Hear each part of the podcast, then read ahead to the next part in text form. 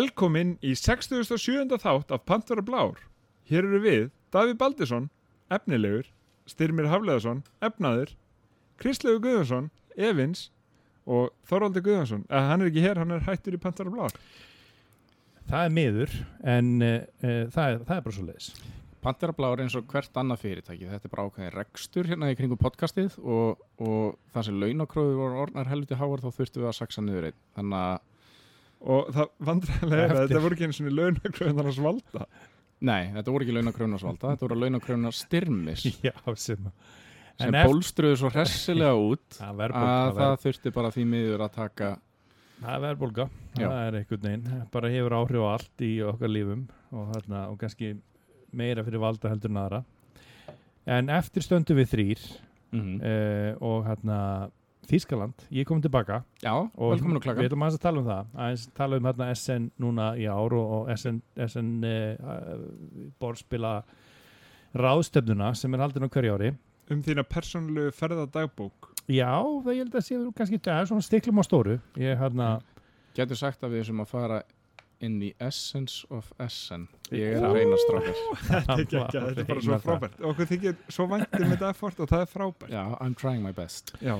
Og hérna, já, fyrir maður sér það. Uh, Þískaland ég sem sagt uh, var í sem sagt, voru hópur íslendingur sem fór út og hérna, ég var í, í spjalli við þá á, þegar við vorum að núti og, og saði þeim frá þeim að sagt, ég hafði farið í, í, í framhaldsskóla þá þurfti ég að velja mér erlend tungumál og valdi mér fyrst, þísku þannig að fyrst þeim byrjaði að þíska hljómaði sér sniðugt og fór sem sagt í gegnum þrjá, fjóra mánuði eða hvað sem einu önni er í þísku og eina sem ég man úr sem sagt, mínu þýsku námi var setningin Das ist ein Flugzeug. Mm Das ist ein Flugstein. Sem er sem sagt, þetta er flugvél. Og hérna og í gegnum allt mitt líf frá því ég kláraði framhalskóla hef ég aldrei verið í aðstæðum þar sem þessi setningu nýst mér. Nei, ok. og hérna, en, en ég býð spenntur uh, og hérna, það sem ég stend bara hlýna þjóðverja og hann horfur upp í loftið og, og segir was ist das? Og þá kemur þýsku kunnundan og þýsku, þýsku framhanskóla þekkingi minn inn og ég get bara sagt hann nákvæmlega hvað er í gangi yfir loftinu. Mm en, en það, það er aðstöður af ekki sagt, ég hef ekki lent í þeim aðstöðum með þá En þú myndir ekki segja, þú veist, eitthvað svona Das ist ein Flugzeug? Þú myndir segja mm, Das ist ein Flugzeug og hljóma eins og verður alveg tilbúin að halda áfram en veljir að hætta þarna. Já, já, bara alveg að fara að segja meira en, ja, en Spurning, tímiðin er spurningin bara er það of kjánulega mikils ég virði. nenni ekki þessum samlega lengur sko, Mhm. bara segja hvað þetta er og við höldum áfram. Í Æ, hausnum að mér var alltaf munur á þessu tvenni sem ég sagði en þegar ég sagði það þá held ég að það komið alveg eins út. En þú er ekkert náða að nota þýskuna? Já, ekki þessa, einu- þessa, þessa tildinu setningu sem ég kann en ekki, ég veist, ég hef ekki náði, nei okay. Ég er náttúrulega fór ekki í þýsku en ég læriði, ég kann samt þýsku. Þannig að sko til þess að lýsa þínu ferðalagi út í Essen þá get ég sagt Styrmið ræst sín und Breitspielkonferenz nach Deutschland um aller Spaße sín und war sie betrunken og sem skilja þýsku vita nákvæmlega hvað ég er að segja. Já, En þú verður að bera vaffið fram sem F til að fólk skilji þig. Já, ég gerði það. Já, já, já Er hérna, Þetta var, við, við vorum alveg með á nótunum Davíð, takk fyrir þetta, þetta var Hérna, en hvernig var að fara í flugvél? Er ekkert mál að fara í flugvél fyrir því stimir? Uh, almennt séð, nei. Almennt séð, þetta er ekki mín skemmtilegasta bara upplifun almennt séð að fara í flugvílar, mér finnst- þarna bæði flug, flugvellir og flugvílar ekki svona í topp 10 af því sem er skemmtilegast að gera. Ok, eh, sko, er það Ég horfði nýlega, nýverið á mynd með svona, hérna, andlegri eh, hjákonu minni enni Jennifer Lawrence sem ég er Mhm. mjög skotin í Hérna, eh, Davíð benti mér á þessa mynd sem að heitir Passenger og, eða Passengers og þar eru þau í gameskipi á leiðinni frá jörðinni og einhvert í þetta er, er sem sagt bara í, á aðra plánutu og þar ætla þau að vera og búa til nýtt samfélag og eitthvað svona. En málið er að tíminn sem tekur að fara milli þess að tvekja staða eru 90 og eitthvað ár. Og fólki þarf að vera í svona ákveðnum klefum þar sem þau eru í rauninni bara frist og svo er þau bara vakna svona þegar það er stutt í lendingu. Þá er þau bara svona aðeins að fara koma sér stað og, og ekkert mál sko. Nema að plottið í myndinni er í rauninni það að eitthvað vaknar um borði í skipinu og bara eitthvað, ah, yes, já, nú þá erum við bara að fara að lenda. Og svo fyrir hann að tekka þér bara í, þú veist, allt sjálfstýrt og voru flott. Ítir að tekka hann og spyr hvað er antanglið lendum? Það er bara 62 ár. Þú veist, það er bara eitthvað hristingur og klefin hann spilaði. Þannig að hann er vakandi 5000 manns eða eitthvað um borð. Hvað gerir þið? Þú veist, ætlið að fara að vekja aðra? Og þannig að þið verður ekki einir þú veist, eða hvað, þú veist, það er allt til alls. Það er bara, þú getur farið að barinn og drukkið þú vilt, þú getur farið á veitingastað og borða það svo þú vilt er, þú getur farið í körfubolta allt mögulegt um borð í þessu skipi en þeir eru einir. Mhm. ef þið ve- veljið að vekja eitthvað þá getur við komið ekki fara að sofa aftur og þá er því að eigða restina lífinu sinu með þér. Þú getur ekki farin eitt annað, þú ert í þessu gameskipi sem er bara eins og lítið hverfi hvað gerir þið? Þetta er nefnilega mjög góð pæling sko. Þetta er, þú veist sko svona einlegin, ok, þú ert ein í 62 ár og það sökkar og þú ert bara með eitt líf og eitthvað. Um, síðan á hinbóin þá getur við svona farið við prófíluna hjá öllum hinu sem er svoandi og bara sparkaði ykkur á mjög skemmtilega manneski já, og bara, á, úps, já, hérna bilaði kabinan þín líka. Ínbilaði fyrir árið síðan. Algjörlega. Ég, hérna, ég myndi taka, veist, það væri svona einhverju mánuðir, einhverju vikur sem að gamli væri bara svona að tjekka á, á, á humarveislum og, og það er eitthvað kampavín og, og veist, fari gegnum hérna, Lord of the Rings extended útgáðunar allar sko. Mm. og hérna en ég held eftir, þú veist, eftir einhverja, þú veist, góða tvo, þrjá mánuði af einhverju svoleið stemmingu, þá er þið maður eðalus. og þú sér bara Davíð Baldursson, hann Já. sefur hann eins og bad yes. reyndar uh, tvöföld hérna svona uh, tvöfald uh, húðaður hans klefi og þetta svona hrótuvörn Já, já, einmitt. Noise cancelling. Noise cancelling built in í klefan en þú veist, já, ég er samlændað ég held að maður myndi byrja að rekast í einhverja takka. Maður myndi svona aðeins byrja að skanna mannskapin og hérna og, og, og ég held að maður er fljótur að rekast í einhverja takka sem mögulega svona er mikið byttur og ég hef komin einhver bilun hérna og svo bara ekki? Ah, úps. já, þú, Ok. þú bara lett í sam og ég og, og nú ætlar að velja að þú ætlar annarkvöld að vekja mig eða Davíð og setjum þetta í smá hérna bara leikum þetta þess Já Herri, ég bara, já, ég bara, er maður gamli búin að vera hérna í þrjá mánuði, hérna, búin að gera Lord of the Rings seríuna, Matrix, búin að fara gegnum Friends-safni, þó ég sko null áhuga á Friends, horfðu samt á það, bara því að það er svona al, almennt samþýtt sem það er skemmtilegt. svona til að geta útskipt fyrir viðkomandi að- að þú hafir Bara til að hafa eitthvað til að tala um því ég vakni. og hérna, já, og ég myndi, myndi, ég myndi, ég myndi rekast í, í hérna, þú veist, annarkotn ykkar og svona vera að labba mill ykkar og svona gemmi það svolítið því séu, sko, ég held ég myndi fara í báði einu. Ég myndi strax bara einhvern veginn svona bánsa aðeins í hérna stjórnirringanda sem að sem að stýrið eitthvað þessi svoandi að vakandi mm. og hérna og, og og þið vaknið báður á sama tíma rosalega einhvern veginn þið, þið veit ekki alveg hvað þið eru hvað, hvað er staðan, hvað er tíminn og eitthvað og ég myndi svona koma svolítið inn, heyrðu, ekki á okkur ég, ég mættur ok, og þá kemur í ljós svona alvöru persónleikin hjá mér og ég segi ok, ákvæðast bara að drepa okkur báða. Og þetta við lifum ekkert, við fáum ekki eins og sjá þessi nýju plánundi, við erum bara orðnir 90 okkar ára gamlir. Já. Ég myndi segja að við værum með sem sagt, nýju seríur af Friends sem við getum hort á. Ertu með eitthvað spil eða? Ég er með Monopoly á reyna sem að, sem að fyrirtæki ákveða styrkja okkur með. Mm. en ég segi, það er betur en ekki neitt. En vitandi það, Davíð er ánað með það. Já, ég er nefnilega, ég og honestly, ég veit ekki hvað maður myndi gera. Myndið þau höndla 62 ár bara in solidarity bara það sem eftir er að æfinni Já, bara og- en, engin sens, fyrir mér væri þetta annarkvort veki eitthvað eða hopp út um airlockið. Bara, Já, algjörlega. Ég sko, myndur, myndur reytsa, myndur bara eitthvað, hver ræður þessu helvíti skipi hérna? Og bara vekja flugstjóran og bara eitthvað, já, já, hérna, þú veist, sko flugstjórin og flugst, allt krúið sefur annar staðar þannig að Mm, þú getur ekki nálgast að það. Alveg rétt. Já, ég veit ekki, þetta er alveg erfitt.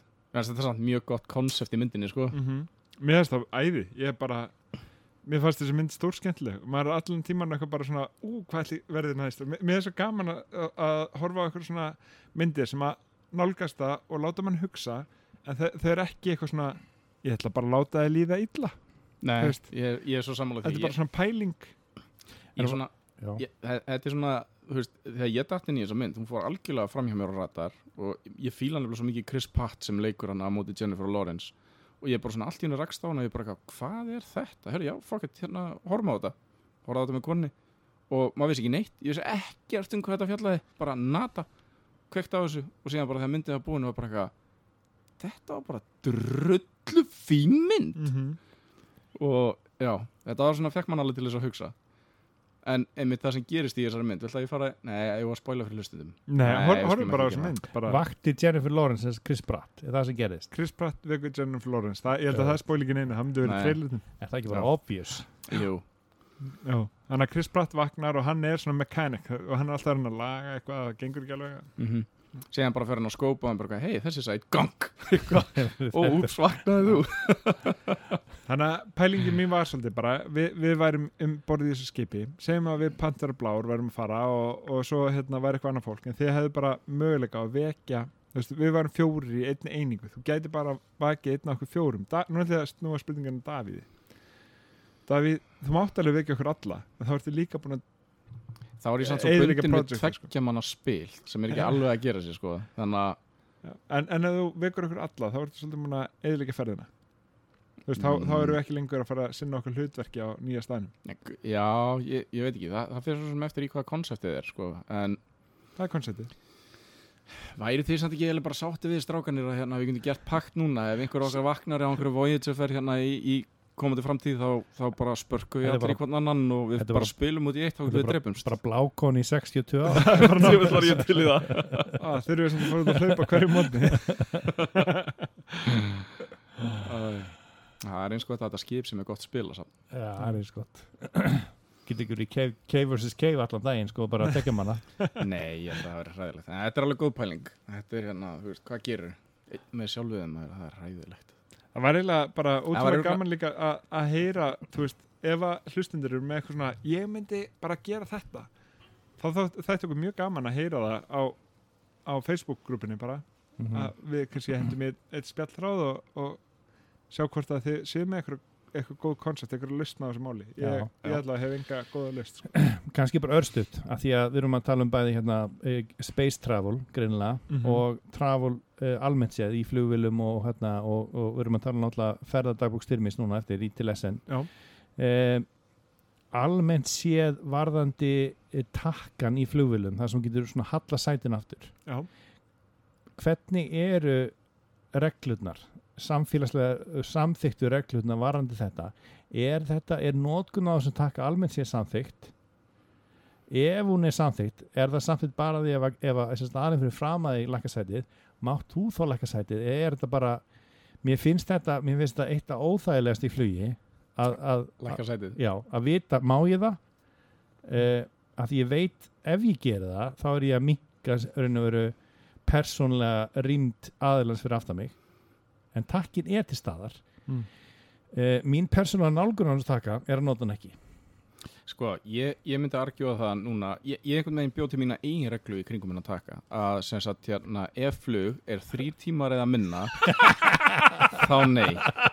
Þá líkt notið hann ekki. En ef þrýr tíma plus nei, þrýr tíma plus þá bara droppa ég takkanum eins og enginn sem morgun daginn og ég ætla að sofa eitthvað af þessum fjórum, fimm, sex tímum sem, sem þetta blessaða flug er sko. já, En Þannig sko, nú, nú er ég svona með eh, langan lönglæri og þú veist, hnén mín eru mjög mjög nálagt og yfirleitt í svona, hérna, eh, mannu fyrir framann Mhm. en það hefur engin áhrif á það hvort hann hallir sig aftur nefnir bara alveg ekstra þrengstu skilurum, það sem er alveg veist, og, og ef maður seg, veist, ef við komum myndið svona bara, ég ætla bara að halla veist, þá er það aldrei neitt mál. Þetta, þetta skerðir ekki er nei, bara, nei þetta, ske, þetta skerri náttúrulega, þú veist, þú ert með, þú veist, bakkanópin og ert að horfa eitthvað, eða ég er að borða eitthvað veist, þetta náttúrulega skerðir svona þína Mm. persónulegu rýmd í þínu sæti. En ert þú ekkert að bóka þig þá bara út að það eru þannig að exit-vanginu þar sem að myndast smá space inn á milli, ert ekki bara að bóka þig að aftasta sætið þar og þá bara getur að halla þér aftur út að það er enginn fyrir aftæðig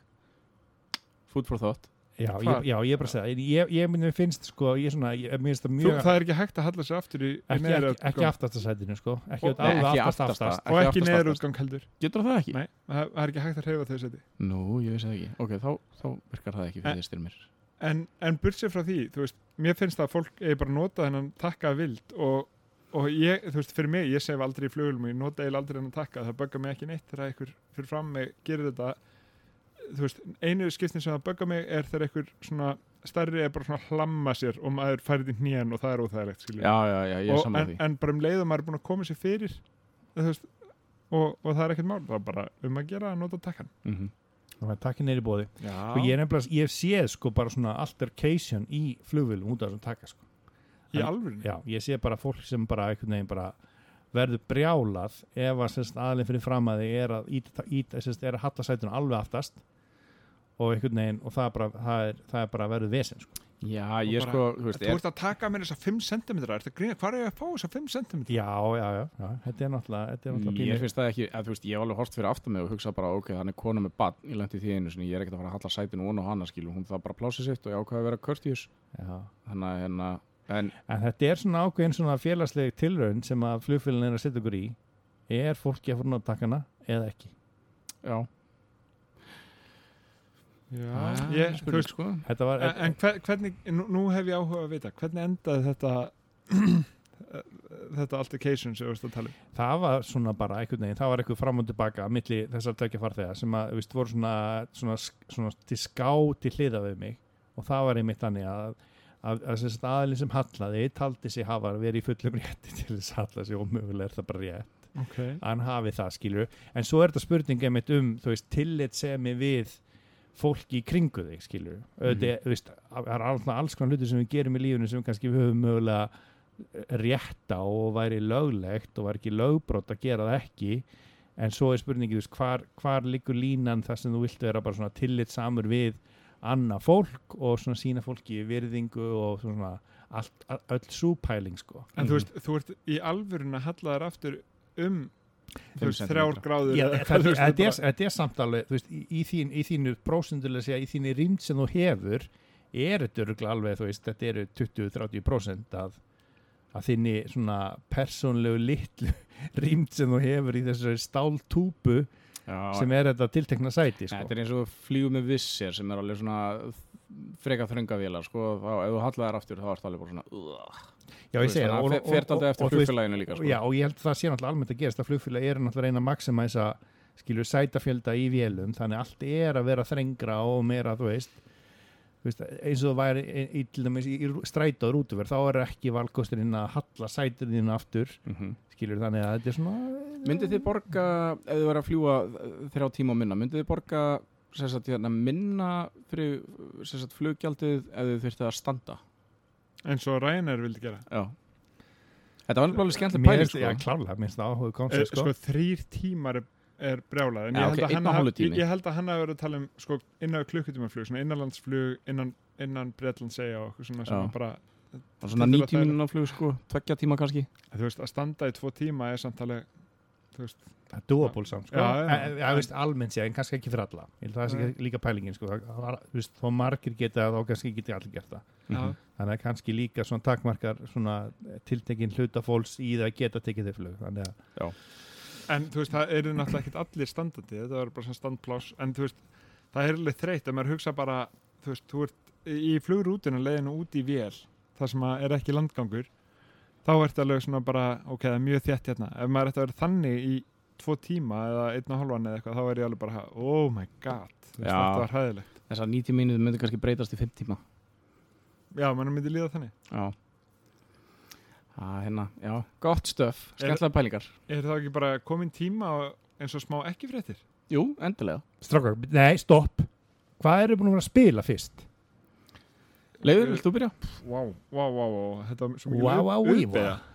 Eh, ég er búin að spila Clank Acquisitions Incorporated sem er Clank Legacy Ok, um, og uh, það er búið að lengi á listan mínum að taka sem uh, næsta Clank spil uh, á eftir, uh, við erum búin að taka Clank Legacy 0, eh, 1, 2 og 0 og, nei Clank Legacy uh, hérna, Pandemic Legacy 1, 2 og 0 og svo fyrir við núna erum við byrjuð á, á Clank Legacy og fyrir þá sem að hafa að spila Clank þá er þetta í grunninn bara alveg eins og Clank. Og Clank er þannig að, að hérna uh, það eru hver, hver og eitt stýrir einhverju hetju sem er á leiðinu ofan í jörðina að sækja einhver verðmætt artefakt eitthvað, það getur verið sverð eða sköldir eða eitthvað sem að gefa manni ákveð mörg stig. Til lengra svo þú ferð onni, onni í hellana í jörðinni því verðmættari uh, artefakt finnur og færð fleiri stig fyrir en því meiri er líkunar á dregin sem stýrir underworldinu eða hellanum hann undir að hann ráðist á þig og drepi þig. Mhm. þannig að þetta er svona luck hvað ætlar að fara langt niður til að, að hérna, fara að finna artefaktið. Og, og hérna svo hvernig ætlar að fara upp og, og fá bara stíðin og ef þú kemst safely alveg heim þá færðu 20 auka stig ef að þú kemst upp úr underworldinu sem er svona hérna, eh, hella, hella sem er hana þá lifir af og ef, ef að þú deyrð þó þú deyir eftir þú kemur upp úr því þá fara ennþá stíðin, bara ekki 20 bónustíðin fyrir að komast heim. En ef þú deyrð onni í jörðinni þá ertu bara úr. Þá ertu hérna, farið bara 0 stig. Og uh, Clank Legacy er rauninni bara leikur. Þar sem þú byrjar með borð og þú gerir nákvæmlega þetta nema það eru alltaf sögur á milli. Þú, veist, það, þú fara eitthvað sögu af hverju þið eru að fara í þetta mission og svo lestu svona upplýsingar um hvað þú ert að gera og svo lestu hvað þú gerir þegar þú fer að fyrsta reytin svona út fyrir sem er svona eitthvað message boxi og svo lestu bara eitthvað og svo lestu og svo lestu og þú lest meira og það er bara ógeðslega mikill lestur. Mhm. um, spilið er frábært bara virkilega skemmtilegt að það er allt of mikill lestur í því um, að, að mínum að þetta allavega og, og svona hópurinn er svolítið samanlega það. Og við fundum það, þú veist, eftir þrjá spilinir þá vorum við alveg bara, ok, fjórða er svona þá kannski látum við þetta bara liggja. Og núna erum við heldur búið með sex spilinir og það hefur aðeins skánað. Um, en okkar tilfinning er algjörlega frábært spil, ógeðslega skemmtilegt og skemmtileg saga, virkilega bara eh, saga full af húmor og, og bara mjög gaman að hlusta á þetta og þú veist, og sögurnu allt þannig en það er bara, er of mikill lestur. Þetta er svona típist þeir með þú lappar eitthvað og kemur á nýjan reit sem að er nýr í þessu hérna, þessum leik þá bara eitthvað, ok, ó, lestu hérna úr bókinni þú veist, kapla 184 og það er eitthvað svona stutt passage og þú bara, að þú kemur á þessu stein hittir, hittir mann og hann segir að ef þú horfir beint inn í steinin þá getur þú séð þrjár uh, hérna, þrjú merki, þú getur ítt á eitt af þessum merkjum ef þú ítir á merki 1 þá lestu þennan part. Ef þú ítir á merki 2 þá lestu þennan part. Ef, þú ítir á merki 3 þá eh, lestu þriðja partin.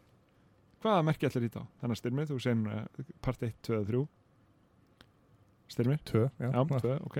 Þá leðis ég, þú ítir á part 2 það snýst allt í ringi og þú hoppar upp. Þú snýr, einhver gerir þig niður þig og þú ert svolítið hissaði og kemur í ljós að það er vonda fyrirtæki sem er kepp mótið þér. Um, þú farið gullpenning og maður er alveg bara, wow, þetta var alltaf mikill lestur. Þú veist, og nú er ég að spóla þetta mjög hratt. Mjög mikill lestur fyrir það Ekki sem þú færð. Mm. þannig að nema þú hafi virkilega gaman af um, sögun á bakvið þetta og gaman að því þegar einhver er að lesa fyrir þig. Vegna þess að ég myndi segja í alvörunni er þetta svona 50-50 þess að þú ert að spila og bara lesa.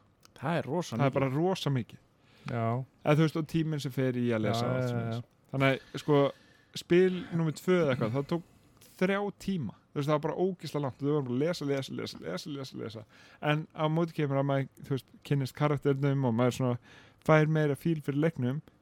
En maður er alveg bara ef ég þarf að opna þessa bók einu sinni enn þá væri ég brjálar Já, ég er svona Brjálæður. Ég hef neitt aldrei pælt í þessu þegar kemur að lestri á spilum. Ég, ég hefði haldið sko ef ég væri að jotta niður einhverja vikt á þú veist, hvena lesturinn á að byrtast þú veist, eins og þú ert að fá einhverja resource og þetta er eitthvað svona bara irrelevant information þú veist, þú sagðir hann að ég fæ eitt gullpenning er bara, herru, uh, þú finnur herbyggi það eru þrjár kistur, veldu 1, 2, 3 ok, þú veist ekki gullpenning en svona event based, ef þú, þú veist, opnar einhverja dyr eða gerir eitthvað sem hefur áhrif á söguna þá kannski eitt paragraf.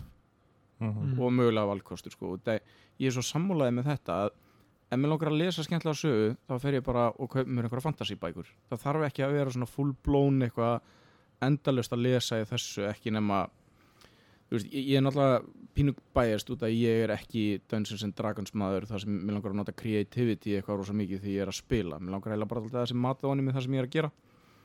Þannig að þetta heillar mig rosa lítið þegar Já, þetta er líka, þetta er pínu sko að ég vil náttúrulega spila mörg leikarispil og ég myndi sé almennt sé reglan, já svona ferlið í leikarispilum hinga til alla hefur verið að það er kannski eitthvað saga í byrjun saga í, þú, þeir eru búin sem sagt, Mhm. mm í lokin en þess á milli fær spili svolítið að fljóta. Mm -hmm. þannig að mér finnst þetta svona, þetta er aðeins svona þetta pínu minnum á hérna, King's Dilemma þar sem að það nákvæmlega var alltaf verið að brjóta upp gameplayið með lestri. Já, en ge gameplay svo sem þar var líka það var í bara lestri já, já.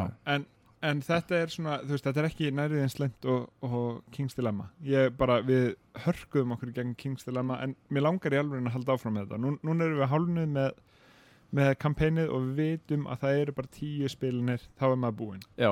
Og þá er maður eitthvað spil sem ég get alveg, ég alveg nýmyndum mér að spila aftur veist, og ef ekki þá bara er það allt í góðu.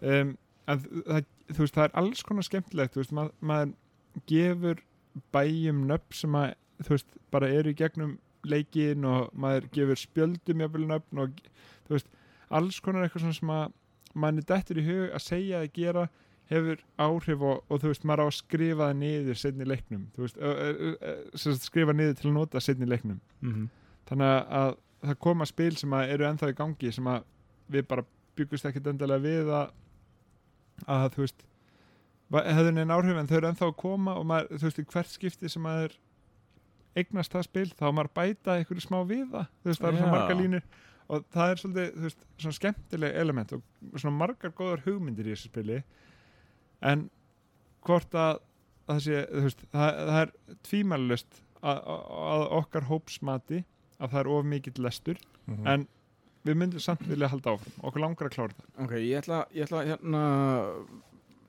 ég ætla að spyrja þig, hvað myndir gefa þessu spili einhver núna þú ert búið með sex spilanir? Og ég ætla að bera það síðan saman við þú ert búin að spila spilið. Sjö. Ok, sjö. Og Ok. sko spilið gæti alveg vel verið 7, 5, 8, 8 jafnvel. en sko lestra hlutin er ef hann væri um minni heila. þá geti hann líka verið 8 Mhm. en hann er svona 6 og það hann er svo mikið já, Já, Ok. já. Þetta er samt held ég, þú veist, almennt séð svona nokkuð hæ- hæli reytað legacy spil, sko, Clank. Legacy. Ég hef allavega heyrt marga tala jákvæmt um það, þannig að já, ok, það verður gaman að sjá einmitt þegar þú komið lengra inn í spilið og hann, ég þú búin að klára það, sjá, veist, hvað er, hver er svona loka einhvernin, mm. hvort að hana, þetta reysi á milli lestrar og gameplay kemur til maður breytast það ekki. og svo reyndar er ég svona ég, ég hugsaði á tímpunkti svona ætli ég bara losa mig við spilið þegar ég er búin eða hvað svo hugsaði nei, ætli þetta sé ekki bara fýtt kassi til að eiga fyrir allt þú veist, hitt klangdótið sé á þá getur bara geimt allt klangdótið mitt í þessum kassa og blandað öllu saman og svona, Já. já, þetta er sniðut þannig að 7 þegar sjö. ég hálfpartin komin í gegn það. Já, og svo bara sjá hvernig það endar. Ok, gaman. en þú dæði, herri, ég hérna við erum nú búin að fjalla eitthvað um þetta spil held ég áður, ég tók hérna Encore. Og að spila það eins. Já, og kannski frá því að við fjöllum um það síðast þá kom í ljósa mér fannst aðeins meiri dýft í þessu spil þetta er náttúrulega bara uh, fyrir þá sem er að spila þetta þetta er bara teiningakast þetta er pínlutin eins og Quicks nema að þú ert meiri neitt tvær brautir og liti sem þú ert að krossa út þú ert að kasta á eitthvað. Og mér finnst eins og ef við byrjum þetta saman í Quicks að það er aðeins minna úr að velja uh, hjá sagt, secondary action sagt, þegar ég kasta það far þú að velja út teiningum. Það er aðeins að minna úr að móða í þessu spili sem ég fíla mhm, heldur á- hann í Quicks Já, mér finnst þá, þegar þú ert með þessi wild, bæði á tölum og litum sem er alltaf að poppa upp og þú hefur bara átta til þess að veljur og þú vilt ekki þú veist, einhvern veginn renna bara í gegnum þá og hafa síðan ekkit úrval þú ert komin, þú veist, svona aðeins meira í late game í þessu spili. Þannig að við allan að, við vorum að spila þetta síðast við vorum alltaf að lendi því að spurningamerkið eða, eða svartiliturinn kom upp, sko og það var svona, að ég passa og ég ekki að passa eða eitthvað síðan lendi ég tvisasunum í því að, að hérna, basically Helga var eiginlega bara til að rústa mér og var að taka sérsagt uh, agrina sem voru að skora hæstana lengst út í enda uh, hægri og vinstra megin. Uh, og ég fór eiginlega bara það að, að krossa út litlu stigin, taka svona low-hanging fruit og síðan hugsaði bara ok, ég ætla bara að loka spilinu. Og, og þetta virka þannig að þú skora stig fyrir sérsagt hérna litina sem þú krossar út og fyrir leinin sem þú tekir svona akrina sem eru þá lóðrétt niður Mhm. og síðan farið einhvern smá bónus fyrir hérna öll vældin sem þú sérst notaðir ekki. En síðan er mínusinn sem eru stjörnuna sem eru á borðinu þínu. Þú ert ekki duglegur að krossa þær út þá geta þær refsa þér helviti vel. Þannig að það er svona bjóð til svona, hún sá alveg að ég var að fara að loka og hún var að reyna að maksa og síðan náði ég að loka. Og í þessu spilu það sem ég var bara hún er að fara að rústa mér þá endaði ég með einhverju 34 stig og hún 5 út og hún fekk svo mikið mínus Mhm. þannig að mér finnst þetta spil alveg briljant sko. þetta er alveg svona grípa í tekur 25 mínútur þetta er ógæslega skemmtlegt Já, Geggjað. svona, Mér, mér finnst bara svona til að segja á móti því sem þú sagðir að, að út af það spurningamerkinu koma þú vilt ekki nota þau bara einhvern veginn í byrjun en ef þú notar þau og, og tekur þú veist bara kemur þér langt inn á þú þarfst að byrja frá miðjunni mm og koma þér út í kantana -hmm. að í byrjun átti ekkert úr rosalega mörgum reytum að velja til að taka. Þannig að ef það kemur bara spurningamerki í byrjun og þú átti einhverju fimmu þá getur þú bara tróðið þér lengst veist, inn á hægri, í hægri áttina eða vinstri áttina. Já. og þá hefur miklu meiri möguleiki næsta. Þannig að það er kannski praktist að bruna stundum í gegn. Þannig að algjörlega sko. Þannig að hérna það er náttúrulega farið fleiri möguleika því, því lengra sem þú fer út á borðið sko. Þannig að það þarf alltaf að vera vissum að að þess að hérna, þú sért með svona adjacent reyti til þess að crossi sko Þannig að fyrir mér er Encore eins og, fixer, nei, eins og Quixer fyrir valda. já, Sem já. Sagt, þetta er algjörlega go-to tveggjamanna spilið að Já, ferðarspilið já, mitt. Sko. Ég er alltaf með þetta öllum ferðarlegum og bara, bara í flugvilum eða í bara veitingastöðum eða bara hvar sem er, hendi þetta er bara eitt, eitt, eitt spjald og teiningar, kastar og bara Mhm. og svo er hægt að kaupa öðruvísi hérna, möpp já, eða já, svona, já, og ég er búin að kaupa, þú veist, það það? ég kefti spilauðurum. Spil- já, erum ok, með að gera tegundur það. af, af hérna, encore möppum þannig að að það er alveg alveg slattið komið út sko. Já, ég er, ég er með þrjár alltaf í kassanum mínum, þannig að, við getum alltaf, þú veist, þannig að maður lærir ekkit inn á þetta. Nei. Er- Það er ekki eins og sem, sem að spila þetta svo mikið. Er þetta afbreyði af hana Gungeon Clever dótunu? Er þetta það alveg þetta er sér? sami framleiðandi, sko, en, en ég veit ekki, þetta er ekki, þetta er ekki hluta því, nei. Nei, ok Já, bara frábært spil, alveg solid 8 og 5 sko, fyrir svona quick teningakast spil sko, ég myndi þetta er líka bara svo lítill kassi og það er lítið að grípa í þetta. Já, já, mm. ekki, ekki, ég er sí, búin að spila mikið og bara frábært.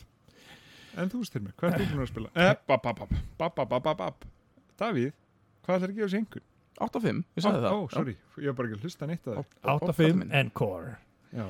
Eh, ég uh, ætla, sko, ég er náttúrulega búin að vera konferensinu og við tölum að það sem líður aðeins að þáttin en ég, þannig að þar lendi búin að spila mjög mikið af nýjum spilum og en, en eitt spil sem ég langar kannski að tala um í þessum hluta en ekki kannski eftir er spil sem ég bara hafi aldrei heyrt um og, hérna, og einn af, af ferðafjölum okkar, Steinþór hann sem var búin að kynna sér fyrir, fyrir ferðina út og, hérna, og eitt spil sem hann kifti sér bara mjög snemma í ferðinni var spil sem heitir Regicide sem ég hafði bara hvorki fyrir nýja síðar heyrt um. Fyrir hann, hann fórum á veitingastað vorum að borða þarna á fyrsta kvöldinu og Steinþór dregur þetta spil upp.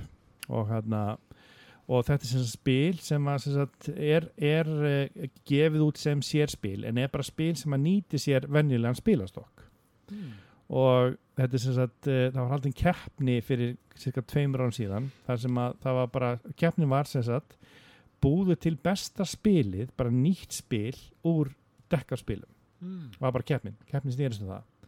Og allir gáttu bara sótt um og tekið þátt og, og, og hérna, en spilið sem, sem vann þessa keppni fyrir tveimur án síðan voru sem sagt þessir hönnuðir sem framleiðu þetta spil sem að þeir köllu síðan Regicide sem að einmitt, nýti bara, bara venjulegan bara spilastokk, þannig að þú getur spila þetta spil bara með venjulegum spilastokk en þú veist, en hvernig spilin virka hvað spilin gera, umhverfið í kringum spilið, sagan og reglurnar er bara, bara eitthvað nýtt sem þeir sköpuðu og er bara þú veist, vann þessa keppni Og er þetta að skrifa Regi City með C? Já, Regi City Mm -hmm. og hérna uh, við spilum þetta sem sagt, uh, úti hérna sem sagt alveg tvisasinnum uh, og uh, síðan var ég sko að kaupið þetta ekki og, og hérna, fann þetta síðan ekki.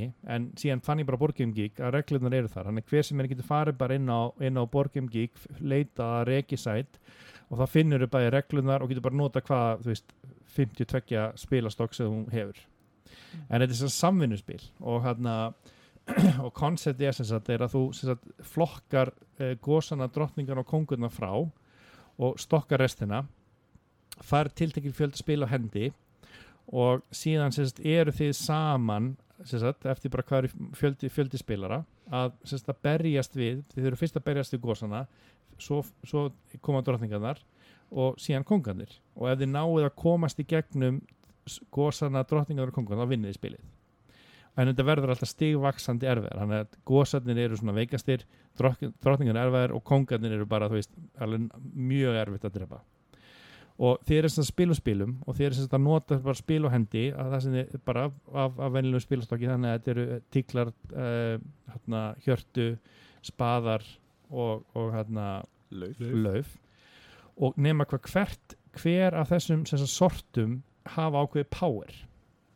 Þannig að þú, þið eru sem sagt að berjast við hann að gosa, þið leggja út, ég legg nýju gosin hefur held ég 15 líf eitthvað svo leis, þannig að ef ég næ að komast upp í 15 af, af spil sem hendi þá næ ég að drepa hann. Uh, en ef ég næði ekki þá sagt ræðist hann tilbaka á mig. Mm. og ég þarf að diskarda sem sagt, spilum á hendi sem er sagt, út frá þeim damage sem hann ræðist á mig. Þannig að góðsendlumis þeir slá mig með tíu. En ég er bara með handlimit á hendi þannig að ég get ekki verið með endursöflu á hendi þannig að ég held þessu sex spil á hendi sem er limitið mig þannig að úr þessum sex spilum þarf ég að reyna að slá hann, helst drepa hann. Ef það tekst ekki, slæra mig tilbaka ef ég, sagt, ef hann slæri tilbaka og ég get ekki varð mig, þá töpum allir. Þannig ef, ef einhver sem sagt deyr nær ekki verja sig í spilinu þá, þá bara sem kollektivlí töpum við spilinu. En það sem er skemmtilegt að spila er að hvert, hver sortin hefur ákveðið power. Þannig að þú veist laufin til dæmis dobla attack value hjá mér á móti annarkot góðsonum drottningunum og kongunum tíklarnir, þeir leifa mér að, að, að öllum spilurum þeim að draga fyrir spil á hendi þannig að við getum betur ráðist á það og betur varðið okkur. Uh, og hérna uh, spaðarnir þeir eru vörn á móti árusinni og þú býr til svona kollektiv vörn. Þannig að allir spaðar sem er úti er að verjast á móti sagt attackinu. Þannig að þú komin upp í, upp í kongana þá eru þeir, þeir að ráðast á okkur með veist 30 í attack Já, ok. þannig að þú verður að vera búin að byggja upp vörn á móti þegar kongarnir byrja að ráðast á því skilur en síðan er allir fjóru kongar þannig að þú, og, og hver skipti sem að þú, sem að það, þú klárar kong þá all vörnin og allt sem er búin að gera allt sem er búin að byggja upp það diskardast og þú byrjar á móti næsta kongi Þetta hljómar ógeðslega áhugavert. Þetta er sko, mér, mér, það sem mér fannst eiginlega skemmtilegast við þetta var, þetta var bara einhvern veginn bara keppni, bara hver sem er ekki að taka þátt og markmiði var um eitt, heyrðu, búðu bara til nýtt spil, bara svona borðspilaspil ekki, ekki kapal eða svona kana eða svona þessi klassísku spil sem hafa verið til fyrir bara velja að dekka spilum settu það í svona borðspila svona pínu búning og búðu til spil úr því En myndið þú kaupa þetta spil eða myndir þú spila þetta sem, sem 52 spil? sko það er bara vandamálið að því að, að því þetta er þú veist, þetta er, þetta er pínu orðið svona public good þannig skilur að því þú, að þú getur nota hvaða spilastokk sem er til spil og þú fær reglurnar í hendur og þú veist svona reference spil og þú veist inn á borgjumgík er komin bara þú veist bara, bara mjög mörg sem sagt bara svona fan created útgáfur af þessu spili þar sem, sem fólk er bara búið að búið til Marvel útgáfu af, af hérna Regicide og Lord of the Rings útgáfa Regicide þar sem þeir eru bara, en í grunninn er þetta bara artworkið sem fólk er að bæta við og breyta en, en þú veist, þetta er bara, þú veist, venjuleg spilastokku sem þú ert að vinna alltaf með Ég, ég spyr bara vegna þess að núna erum við að taka þetta upp í Nexus Já. og ég er búin að fletta þið upp það, þetta er selt þetta frammi. Er þetta til Nexus? Þannig að ertu að fara að kaupa þetta eftir eða ertu ekki að fara að kaupa þetta eftir? það er alveg ég, vei, ég veit það ekki, að því að, veist, ég, að, því að ég náðu ekki höfðið út í SN og síðan bara kom ég heim, ég var, okay, ég var að finna út hvernig ég var að spila þetta spil og ég átti náttúrulega bara venjulega spilastokk, Mhm. náði í reglurnar og náði í sem sagt svona help player card sem hún getur notað Mm til þess að vita þú veist, hvað gerist þegar hva, hver eru styrkleikandir af, af sútonum og hversu öflögur eru sem góðsættum dróningum kongunar prenta það brút, plasta það. Þannig að sem ég er ég komin bara með það sem ég þarf til þess að spila þetta spil en svo er þetta líka faktorinn veist, auðvitað langar mig að styrkja líka veist, hönnun og, og veist þeir sem lögðu vinnuna í að hanna og búa þetta til, skilur sem er líka alveg, veist, annars hefði þetta ekki verið til eða einhver ekki lagt vinnin í það -hmm. en mér fannst það rosalega skemmtilegt tvist og, og konsept að nota bara venjulegan spilastokk og svona til að setja hlutina aðeins í samingi þá hérna kom dóttir mín, elsta hún Dóra til mín fyrir, svona, fyrir nokkur við síðan og henni langaði bara að spila veist, og nota bara venjulegan spilastokk og það bara komur að ég á ekki eins og venjulegan spilastokk. Ég bara, ó, bara, bara heilan bílskur fullan af spilum en ég á ekki spilastokk. Þannig að nota bara þú veist svona klassískan spilastokk sem þú getur bara fundið bara í sumabústöðum og út um allt og búið til bara mjög skemmtilega svona borðspila eh, svona tengda tengt spil út frá því eh, finnst mér bara rosalega áhugverð og skemmtilega konsept En er, er þetta alveg þungt? Eða, þú veist, hvernig... Nei, alls ekki, þetta er bara, þú um leið og læri þú veist hvað, hvað sortin það gera af því að, að því að powerinn á sortinum aktivistast fyrst áður en að styrkleikin af spilinu þú veist, nýtist þér annarkvæmt í vörn eða svo Mhm.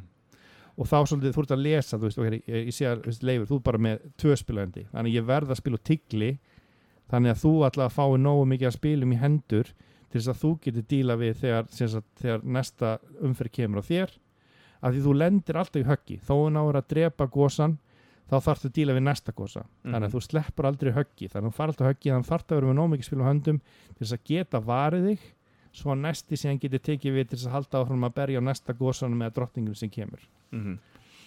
Og, og að kenna þetta, þú getur kent bara hverjum sem er Já, þetta ég, ég spilaði þetta með bara stefni og hann er hvað, 13 ára? Hann er, og hún fannst það bara geggja sko. Ég held að þetta sé eitthvað sem ég vil prófa. Ég, bara, ég er bara, já, 100% mæli þetta var einhvern veginn bara, þessi, algjörlega out of left field, að aldrei hirt um eitthvað spil sem heitir nei, og allt í hennu bara var þetta mætt og við spilum og þetta bara, wow, þetta er bara geggja kaman og þetta er bara velum spilast okkur geggja. Og hvað ætlar að gefa sér einhvern? Ég ætla bara að gefa þessu átta. Hvað þýðir eftir, það? eftir fjórar, fjórar spilanir af spili. Þannig ég bæði spilaði út í Þískalandi kom heim, hafði fyrir því að ná í reglunar plastaði þær, fann spilastokk, gekti mér spilastokk að ég vissi ekki að það var til Nexus. Mhm. um, og hann og við spilum undir feðgarnir þrísa sinnum held ég. Og hún varst að gegja og hann er að eftir, já, fimm spilanir þetta er átta. Já. Og ertu búin að spila það tveir og þrýr og fjórir eða bara tveir ég er búin að spila þetta þrýr og tveir. Og jafn gott Já. Það hljóma mjög vel Þannig að Regisætt Átta. átta. átta hjá haflega sinni eh, Eigum að stökkva í ekki fréttir eh, Já. kannski bara örstutt áður en við förum í svona ferðardabókstyrmis frá Mhm. SN 2023 eh, Sko ég er með bara kannski bara já með örstutt að eina tvær fréttir ef að þið er ekki með neitt þá hann að Byrjaði bara einni, svo er ég með hérna ok, Æ, fyrir ekki, á ég að byrja kannski byrja þú Ég, ég er nefnilega, sko, nýlega þá kom til Íslands uh, Great Western Trail New Zealand. Já, og þar með er trílógin uh, fullkláruð. Og við Davíð erum bara að fara beinustuleið að spila þetta eftir. Ég er Get mjög spenntur. Ég er bara virkilega spenntur. Og þið hafa ekki prófað það? Nei. Nei. uh, Kindur, ég er búin að horfa á svona tvo þriði á regluvídeónu Aha. búin að plasta spilið og búin að puncha og gera allt tilbúið. Já, vel gert. Æ, Ég er mjög spenntur fyrir þessu spilu sko. ég, ég er nefnilega hérna, ég kefti ekki Argentína uh, Leifur kefti Argentína og, og ég spilaði þá og ég bara, ok, þetta er geggjum viðbót. Mér finnst þetta eiginlega betra heldur en grunnspilu út að þú ert með skipamekanik til þess að shipa dóti og eitthvað, mér finnst það allir skemmtilegt. Já, en Leifur á þetta og ég veist, base gameið og, og hérna, Rails to the North viðbótin við það er líka drullu fín sko. Þannig að mér fannst ekki þurfa það. Síðan labbaði henni Nexus í daginn og, og var eitthvað svona að skoða henni og síðan allt í henni sagði ég bara New Zealand er komið, ég ætla að taka það." þannig að ég kefti það, þannig að það er heimi hjá mér og það fær betri einhvern á BGG heldur en Argentína þannig að ég er ég ætla að setja ekki eitthvað að gera um það, það, það, það er oft, gerist oft þegar það er ekki komið út og fólk er bara svona, ég er svo spenntur að ég ætla að gefa þessu tíu. En, en hérna e, það sem ég er mjög spenntur er að þetta er núna kindur í staðin fyrir kýr og, og í staðin fyrir að vera að hérna, á okkur lest sem að breytist svona mismundi eftir þessum leikjum þá eru núna með báta sem sigla milli eiga og þú ert ekki með eitthvað línulega leið. Þú getur bara farið þangur sem þú vilt þetta, þetta, alls konar spennandi í þessu þetta virkar nefnilega alltaf meira öðruvísi heldur en grunnspili sko. Já. Argentína er alveg tvist en þetta virkar sem svona bara alltaf mikið nýtt og margt svipað en svo, svo er held ég það sem að verður hausverkurinn í þessu er að það eru svona ákveðna reglur sem að manni, maður myndi halda að væri bara alveg eins á milli en eins og það eru kemur á leiðanenda og ert að skilin stigum og peningum fyrir kjötið svo ert að uh, skilin á áfangastað þá hendur þau allir hendinniðinni í öllum öðrum Great Western Trail að þarna máttu bara henda þeim sem þú notar og verður að halda hinu á hendinniðinni fyrir næsta ah. þannig að þetta er svona típist eitthvað svona sem að margi getur gert vittlist þegar þeir fara að spila þetta já, já, já. en ég, það uh, bara mjög spennandi ég efast ekki um að annar okkar mun tala um þetta í næsta þætti Nei, ég, og ég er bara mjög, mjög spenntur að heyra hérna, ykkar, ykkar hérna, bara upplifun af spili, ég er mjög spenntur að prófa Mm. mm. en næ því miður ekki komið ykkur í kvöld en Nei. ég fæ að bóka næsta Já. næsta spili kvöld af hérna, Western Train og Mm. klárlega Kindur, það er eitthvað Það er líka annars spil sem við þurfum að prófa strákar sem við tókum upp í bústa það er að viðbótin Time Fracture Já, við, já, já, já, já. Mhm. Það er ímislegt á dagskrunni Heyrðu, bara örstuð frá mér uh, sem sagt, í, uh, það var að semst að koma tilkynning um, um velun í Þískalandi sem heitir Deutsche Spielpress uh, sem eru velun sem eru gefið út á hverju ári sem eru öðruvísi heldur en hérna Spildi Jares sem eru gefið út það sem er svona þú veist, það sem er meira hönnuðir, meiri framlegendur og svona einhver dómnefnd sem að segja þetta þetta er bara Mhm. besta spil í ár þetta eru sérst velun sem að bara almenningur í Þískalandi fær að kjósa um hvað þeim finnst þeirra besta spilið. Spilpress. Já, þetta er Deutsche Spielpress. Og bara hver sem er getur, getur hérna, votað og, og tekið þátt. Og það var sérst að koma bara út tilkynning um hérna, að spili Planet Unknown vann sem sagt spil, eh, Deutsche Spielpress. Sem er svona, þú veist, þetta er al, almenn svona, þú veist, kosting bara hver sem er getur þátt kannski pínu eins og Dice Tower Awards velin þannig að ekki alveg eins svona prestige eins og hérna hinn velin en allavega eitthvað. Ég hef ekki spilað Planet Unknown en þau voru allavega vinnendarspil og hinn fréttin sem ég veit kannski benda á er semst á, á SN og kannski bara fín kannski svona eh, bara shift yfir í það umræðumni þá er alltaf eitthvað sem er kallast fair play á SN það sem er svona bara meðan á hátíðinni stendur þá er allir að vóta um okay, hvað spil eru spennandi, áhugaverð og skemmtileg og það er svona fair play svæði á rástefni það sem er svona bara listaspilum sem er svona, þú veist, það sem fólk er að, að, að, vóta um og þetta er bara, þetta, er ekki framlegundur eða hönnur sem er að, þetta er bara fólki sjálft sem er rástefni sem er að bara að, að vóta um þetta fair play uh, spilin sem að þau vilja sjá og það eftir sem þá kom út hvaða sagt spil vann fair play velunin á SN fyrir árið ár og það er spil sem heitir Sea Salt and Paper og hérna ég kannski tala aðeins betur um það á eftir en, Ok. hérna, en það vann sagt, þessi fair play velun sem er bara svona, svolítið svona bara fólk sem er á rástöfninni sem er að segja þetta er eitthvað spil sem er bara gegja Já. en það eru fréttum Ég er með aðra hérna, frétt, ég var bara að læra þetta núna bara eh, mjög nýlega. Vitið þið hvert þessum degja í meðferð fara?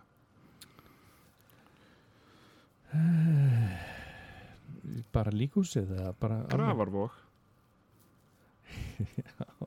Þessi var þetta mjög góður Já. Já, eina sem vantaði var um til hlæjaði. Nei, nei, mér, mér finnst svo hérna gaman að, að uh, taka svona alvarleg málefni, sko. Það, ég er í alveginu komin með nýja fíkn, sko. Já. Ég er búin að vera bara að drekka óhóflegt magna bremsu eitthvað. En þú veist, það, er, það er kannski ekki vandamál, ég get alveg stoppað þér í vil. Já, já, þetta er, já, já, þetta er, þetta er svona, Ok, þetta er svona. já, já. En, uh, en umræfið þáttarins er sem sagt, SN, sem sagt, ég, við tölum með síðast þætti að ég var, eh, við tókum um síðast, þá var ég á, á, á fimmtegi og ég var að, sem sagt, flög út á föstasmorgun Já. og beint á rástuna. Þannig hérna, og þetta er þriðja árið held ég sem við sem hópur tölum um, um þessa tilteknu rástefnu, valdi held ég sem sagt, fór fyrst, hefur farið á, á, á, undan og og síðan var í fyrra þá, þá fórum bæði ég og valdi og núna í ár sagt var ég eini eini meðlu Panturblár sem að fór á SN þannig annað árið mitt það er svona aðeins aðeins bara að sk- skapa smá reynsla allavega innan hópsins og, og, og, ég sé, ég er búin að fara annað skiptið og Og, það virðist eins og allir sé leggja jafnt hendapló að afla þessar reynslu. Inn í hófnum en, hana, en þetta er þú veist, þetta er bara svona almennt séð kannski fyrir þá sem er að heyra í fyrstskipti hvað er SN, þetta er svona líklega stærsta borspilar ástöndun í heiminum. Og hún er alltaf haldin á hverju ári í oktober í Essen í norðurluta Þýskalands. Og heitir SN Spíl. Essen Spíl. Og hérna er haldi í, í risa vaksinni ráðstefnu höll og hérna þetta eru salir sem, sem eru svona bara aðliggjandi sem eru svona tengtir saman og hérna og kannski, þú veist, ef ég á að lýsa þetta fyrir einhver sem að bara svona aðeins er að gefa smá tilfinning hvað þetta er, þú veist, þetta er eins og myndi setja sjö eigilshallir saman og bara sagt, búa til bara endalaust af svona litlum stöndum inn í hverjum sal. Það veist bara að raunum vera að lappa í gegn og reyna að sjá allt er bara hún nærð því valla á veist þessum tíma sem hana já, svona, já, ef þú ætlar að gera þetta að fara þetta mjög detailed og bara reyna að sjá allt þá, þá þarft alveg þrjá daga Já. Er þetta ekki þrý dagar rástefnan í heldsinni eða? þetta byrja, sko, þetta byrjar á, á, á miðvíkudegi, þá er svona press sem sagt, sem svæði, þannig að þú ert með presspassa og hérna uh, þá getur þú farið á miðvíkudeginum og síðan er, er rástefnan sjálf á, á 5. första lögat og sundag þetta eru fjara dagar rástefna ok. Já. þannig ef þú ert sem sagt alltaf tíma þá þú ættir alveg að geta náð öllu og svona tekið tími að skoða. En, en kannski munurinn á, á að því við um allar hlutahófnum hefur farið á UK Game Expo líka. Ég myndi segja svona munurinn á þessum tveimur rástefnunum er að, að SN er miklu meira svona trade show. Þetta er, svona, þetta, er, þetta er það sem að nýspil er að koma og framleiðendur er að kynna hvað þeir eru að gera. Nýspil er að koma út veist, það eru eitthvað um spil þú veist, það er alveg, en það er bara þetta er svo mikið af fólki, það er miklu erfiðar að, að komast í playtest og, og veist, það er engin svona svæði endilega það sem þú getur bara við sett niður spil og byrja að spila.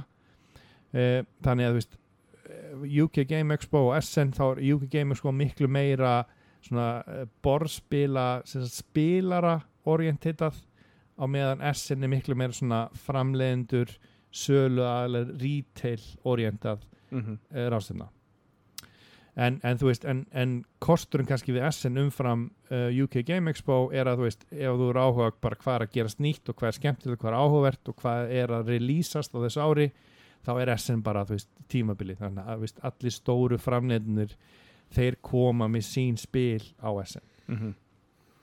Hvað tókstu með marga ferðartöskur í þessa verð? Sko ég nefnilega var búin að skanda ég ákvað fyrir fram að vera bara svona semi-passífur, ég ætla ekki bara all in og kaupa bara allt sem var að koma út og alltaf nýjasta og eitthvað, þannig ég var svona pínu meira selektiv en hérna en svona, uh, ég tók aðeins sama því ég sendi alltaf út smá svona statistics eftir, eftir ástöðuna þú veist hvernig gekk þetta, hvað voru margir sem mættu?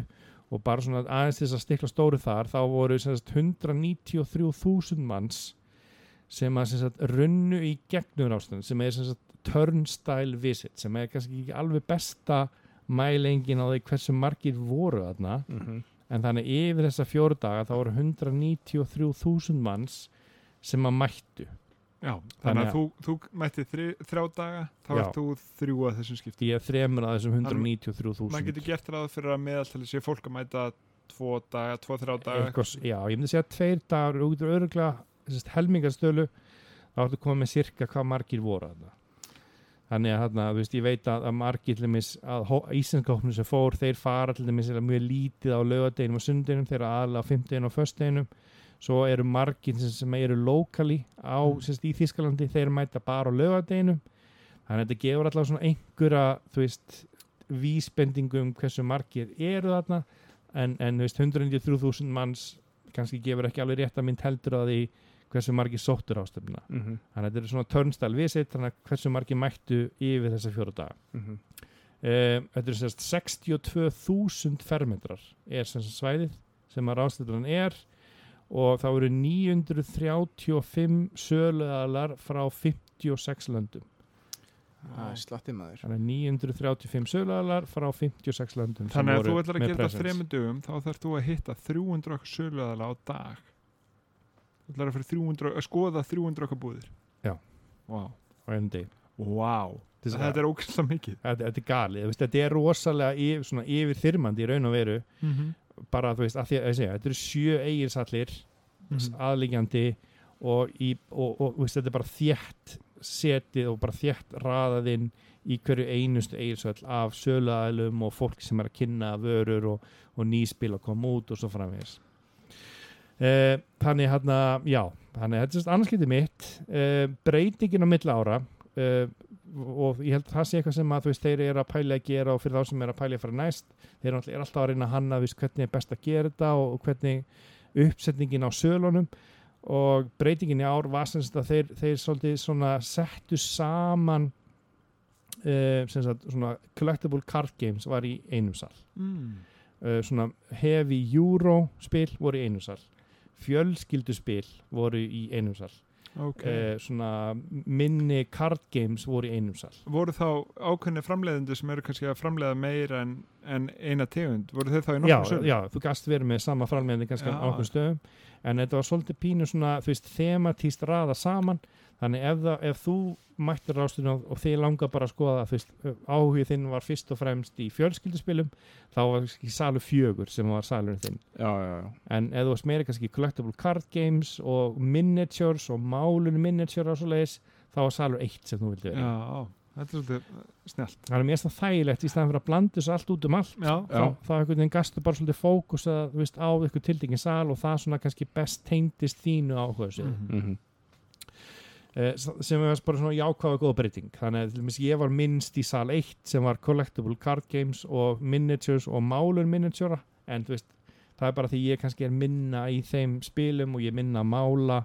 En þú veist, þú, þú varst með sko, þú veist, námskeið bara svona opið námskeið, þú bara sest niður og þú veist, allir helstu um svona málinga þú veist, sem er að selja málingavörur er, voru bara með svona, heyrðu, sestu bara niður, þú fara málingu, þú getur eftir að mála og hérna ekki bara kennari sem sýnir þér hvernig þú átt að mála þetta. Og svo gastu keift alla málinganda frá þeim bara Ég, líka, já, já, Já, já. En, en þú gast, ef þú vildi bara aðeins fá æfingu að læra og fá Mhm. svona sínikenslu og eitthvað, þú veist, þá bara buðu þeir upp á það. Snild, gastu prófað airbrush þannig Ég sá það að vísu ekki.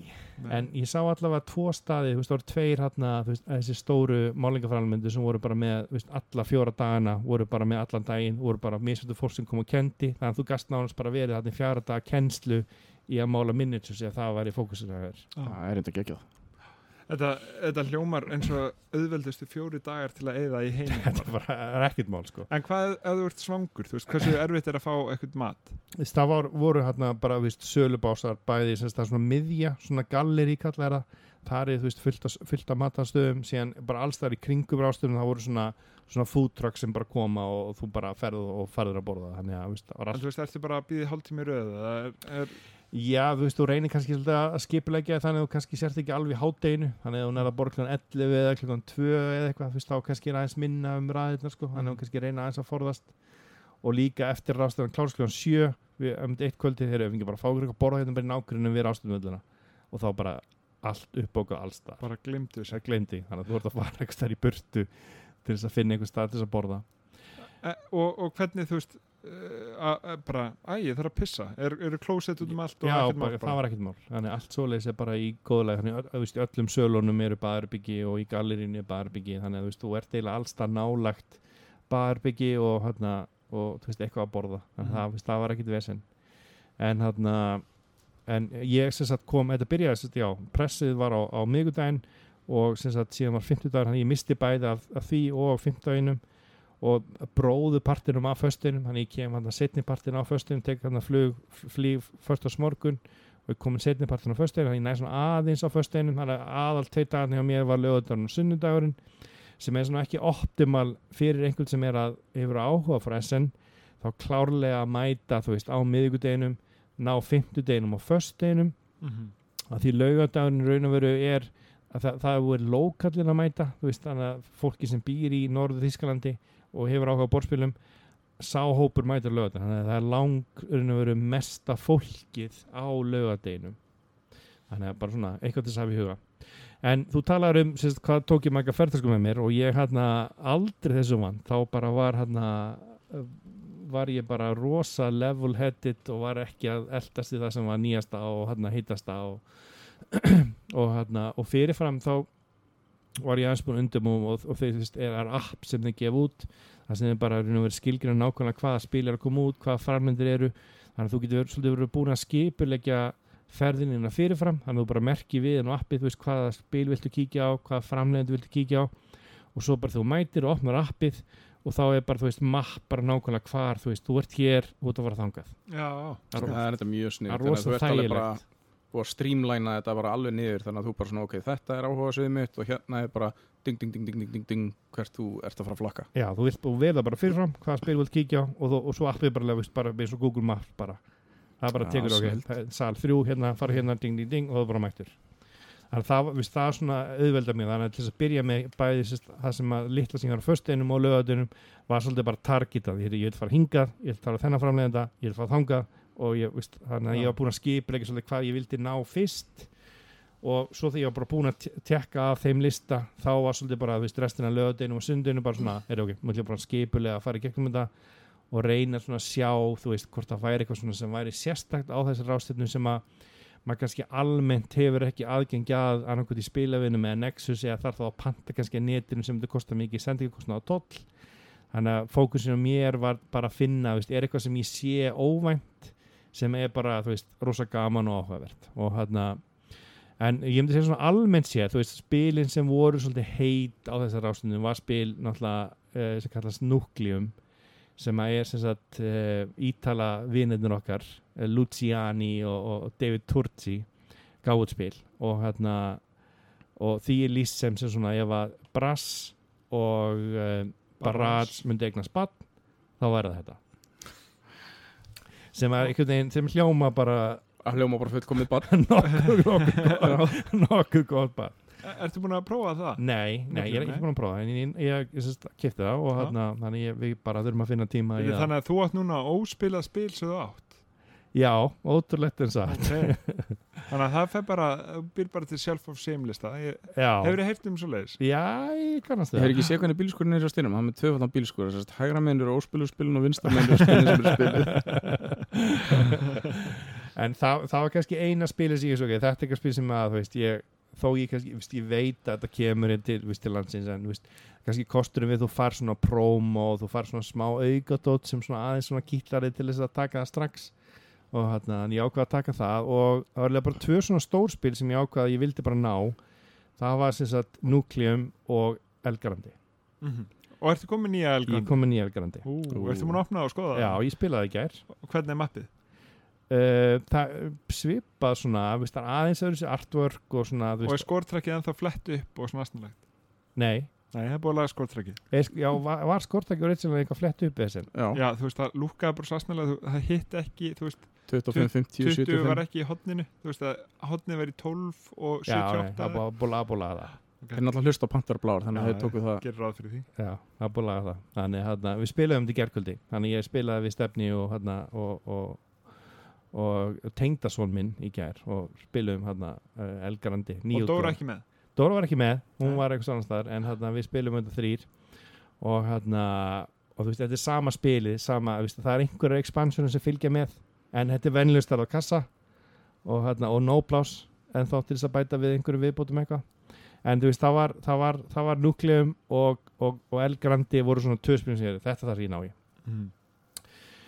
uh, að öðru leiti var þetta svolítið svona expansion myndi ég segja hérna uh, rástinu mér, þannig ég önnur spil sem kannski vaktu mestan áhuga hjá mér voru expansion en, en það sem ég síðan, veist, af því að þú læri svona, veist, þú ert á ástöfni og sér ok, þú ferð á og kíkir á, á þetta svæði sem fairplayið er og þar, þú veist, þá færðu hugmyndur um spil sem þú kannski voru ekki á ratatum hjá þér Mm. sem er bara spil sem að fólk bara er svona bara, þetta er svona mörmurinn á rástöfninni um spil sem eru þessi spil að seljast bara ógist vel og það er bara að tala um spil og það er kannski spil sem bara það er ekki svona hugmyndum að væri til sko. Nei, svona eins og ég verði að kaupa spilið sem við talum á sem er eins og spilastokkur og ég hafði bara aldrei heyrt um það. Og það Nei. var bara ekki séns ég sér labbaði nút af þess að vera búin að kaupa það. Já, og það, eitt af spilunum og sem var á, sem vann einmitt Fair Play sem velunin í ár er spil sem heitir Sea Salt and Paper sem er bara stokkaspil.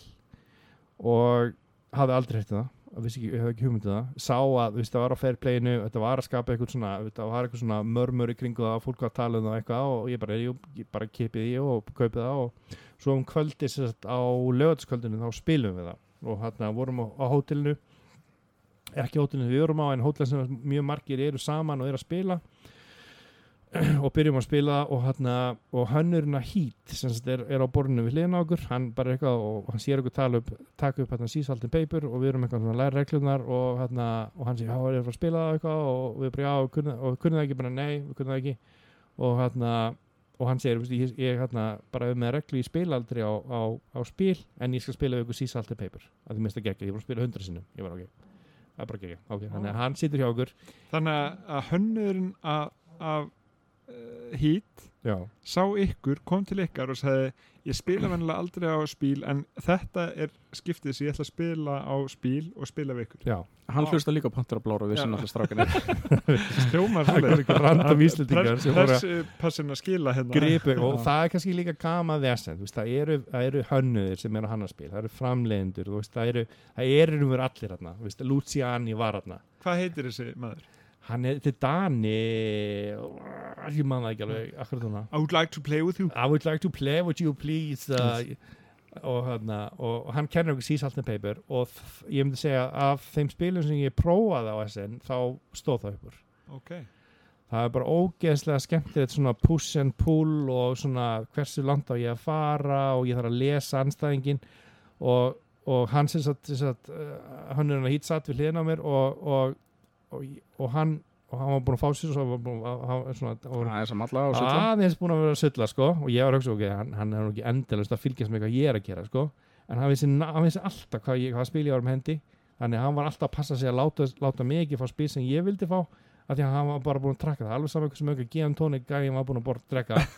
Hann virtist alltaf vita hvað spil Minn ég var með maður. Hendi þannig að hann var, hann, var, hann, hann, hann drakk eins og sannur Dani hann, og, og náði alltaf fókus og, hann, og, og strauðið okkur í þessu spili sko.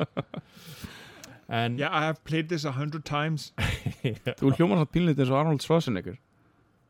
Þetta er ekki eins og Dani, þú ert meira svona Get to the chopper en svo þess að stikla stóri ég, ég veit greinilega ekkert hvernig ég hljóma sko.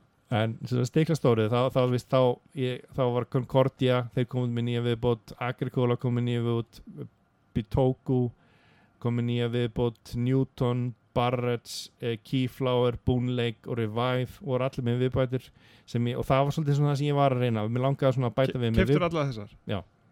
Keftir þú fjórar bara sviðbætir Keftur fyrir okkur? Búnleik viðbútt Já, Ok, þannig að við erum frá að prófa það. Við erum að prófa viðbót, Ah, sem er svona vatn sem ég sér svona, þannig að þú farin í ána nefnum þú tekur svona hliðaskrefin og vatn. Já, já, ok. þannig að, veist, að, að sigla verður orðið meiri faktor í, í hérna viðbótinni Sigla Bentens sigla beintins. Þannig að veist, það er svona já, ég kannski tala på þetta eins um svona í næsta þáttum aðeins um spil sem að ég prófaði og kefti sem er svona ekki expansion heldur bara spil. Þannig kannski fær svona stiklast svona tala það kannski í næsta þáttum en ég myndi segja svona highlightið af, af ráðstöðunum og það sem er kannski gaman við, við SN því maður allir er að bera saman aðeins svona bæði UK Game Expo og, og SN kannski það er tvær ráðstöður sem ég færð á. Þú veist, kosturinn kannski við SN líka, þú veist, fyrir utan að vera sölusýning og þú veist, nýju spilin er að koma út er, þú veist, það eru allir þarna, þú veist, þannig að þú ert að hitta veist, og það er alveg gaman að, að þú veist, þó maður sé ekki nema bara heils og segja hæ við Rænike Nietzsche og segja hæ við Simon Luciani og, og hérna Ian O'Toole og, og þú veist, það sem að kannski þú ert að að búin að, að kannski að kynnast og þekki gegnum öll spilin sem við erum að spila þó þess ekki nefnum bara segja hæ og kannski þú veist bara, bara takk fyrir bara minn spilin geggjuð og hérna og þú veist og það er ekkit óeðlegt þetta er bara fólk sem er bara og er hlutar ástöfni þetta er ekki þú segja einhverja superstjörnur einhvers þar á rocktónlingum. Þetta er bara fólk sem er að kynna spilið sín Mhm. sem er mm, hérna mjög gaman. Og kannski bara svona lokapunkturinn við vorum að spila hérna á, á lokakvöldinu og sem sagt fyrirtæki sem að e, e, hönnurinn af hít e, er sem sagt stopnaði og er að gefa út spil sem, sagt, sem að hann tekur bara eftir hérna áttunda GOT sem sagt drikkin sinn. Þá og við erum búin að spila hérna uh, spilið hérna Sea Salt and Sea Pepper. Salt and Pepper uh, í, í nokkur sinnum. Sea Salt and Pepper eða Paper. Paper. Já, ok. Og, hérna, og hann hættir og hann sagt, er að fara á sín annan dreg og hendur ykkur spil á borðið. Og bara ok, hvað spil þetta vandir sitt að spil? Og hann tökum upp og einn í hópnum byrjar að lesa reglunar svona sem í einfalt og hann setjum við bara borðið og sjáum hvernig það er. Þannig að og setjum það upp og hann er bara setjum upp og, og við erum svona að fara ekki reglunar og, og hann og erum að fara að kenna það sem er á hópnum var að fara að kenna spilið og, uh, og hann er svona að byrja að tala um þetta og kemur ykkur maður og borðum segir hérna uh, eru þið, sérst, já, ok, já, flott eru að spila þetta spil, já, hann, hann skilda bara eftir hann fór hann að sig GT og, hérna, og við ákvæðum bara að læra spilið og hann var búin að læra, og, og, hafið spilað áður, bara nei, við vann spilað áður og hann, og ok, ok, ok, ok, ekki málið og hann, já, bara byrjuð og en þurfið ykkur að hjálpa eða eitthvað og bara, já, Ef þú, ef þú spilaði það, já, ég sérst hannaði þetta spil. Ég bara, ok, er þá kannski hann að fá hérna smá Input. input frá þér hvernig þetta virkar. Hve, og, og hvað spilaðu þetta? Þetta er spil sem kemur út í februar á, á næsta ári og var bara frábært. Þetta svona, Kemur út á næsta ári? Kemur næsta ári í februar, ekki komið út. eitthvað svona Þetta var bara svona einhver prototýpa sem þeir eru búin að gefa út og voru náttúrulega að kynna fyrir sem sagt bara fólki ekki komin en beint út neitt almennt í að, náttúrulega ekki komin drenga, þeir komin í sölu en þeir sem sagt er að setja upp þannig að þetta verður svona eitt stærsta releaseið af spili á næsta ári, það eru búin að koma með einhverja, þú veist, 80 dreifingarsamninga á þessu spili. Og þetta er svona pínu eins og, eins og Cascadia nema bara miklu betra.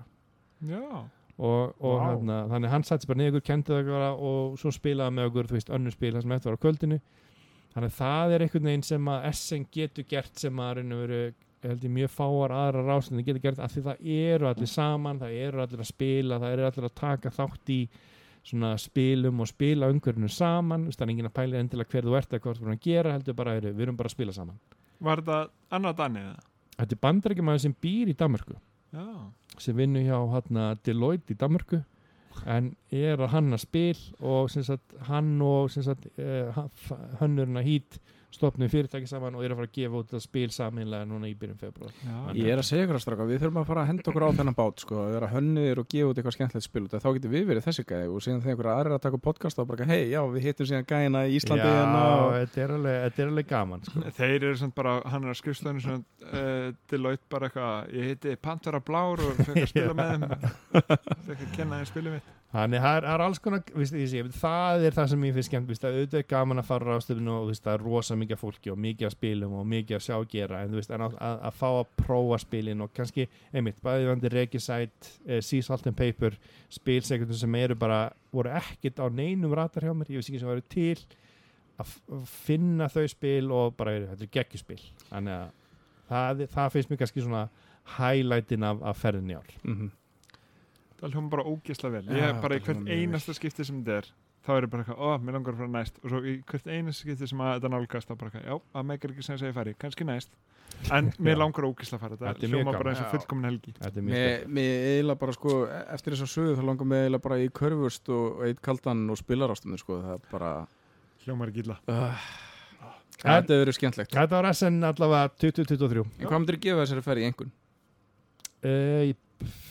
Ég, ekki henda bara í bara klassíska áttu.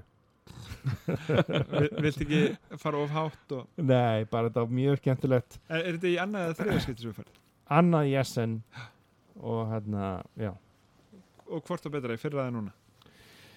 Sko fyrra var náttúrulega rosa, allt var nýtt fyrir mér. Þannig ég var ekki, veist, núna vissi ég kannski meira hvað ég átti von á. Þannig að þetta var ekki eins mikið svona nýja brumið, ég vissi hvað við varum að fara að gera ég vissi hvað ég átti mátti búast við en ég myndi segja að þessar, þessar upplifanir og, og veist það sem var, var næra að upplifa utan rástumna finnst mér eiginlega meira virði heldur en rástumna sjálf Mm -hmm. okay. Það er svona að vera í communityinu og spjalla við Já, alla og vera að spila eftir á og vera að prófa spil sem er kannski koma, koma á rástunum og nýjar það- veist, þú ferð á eiginlega hvaða hótel sem er í SN-svæðinu og þá eru bara öll borð eru að vera að spila Mhm. þannig að það, veist, og allir, allir þú veist, og það sem er svo mikil kostu við þetta hobby, hvað þetta er rosalega inclusive Mhm. Þú veist, það er enginn að fara að böggast í þér það er, það er allir tilbúinir að setjast niður og spila með þér, að kenna þér að segja þér frá hvað er að gerast og þú veist, þú ert velkomin allstað Já, þetta community er alveg geggja er, sko. eru veitingastæði sem þetta eitthvað verður þið til að drull ykkur í burtu við erum að fá fleiri gesti inn? Já, ég hef hótelin allavega, ég hef meks ekki meira á hótelinu þannig að öll hótelin sem fólk er að gista veist, bara í á SN-svæðinu það er bara undirlögð við, og það sem við gistum, það var borðspila podcast frá, frá Brasilíu Hmm. sem voru þarna. Og, veist, og það, það verður ekki svona instantaneous bara connection bara er að spila, hvað er að spila, ég voru að spila White Castle eh, vil ég vera með. Já, það er ekkit eitthvað bara eru bara ekki það er bara um leið og einhver sýnir áhuga aðeins spyr hvað þú gera, hvað, veist, hvað, hvaðan ertu og eitthvað.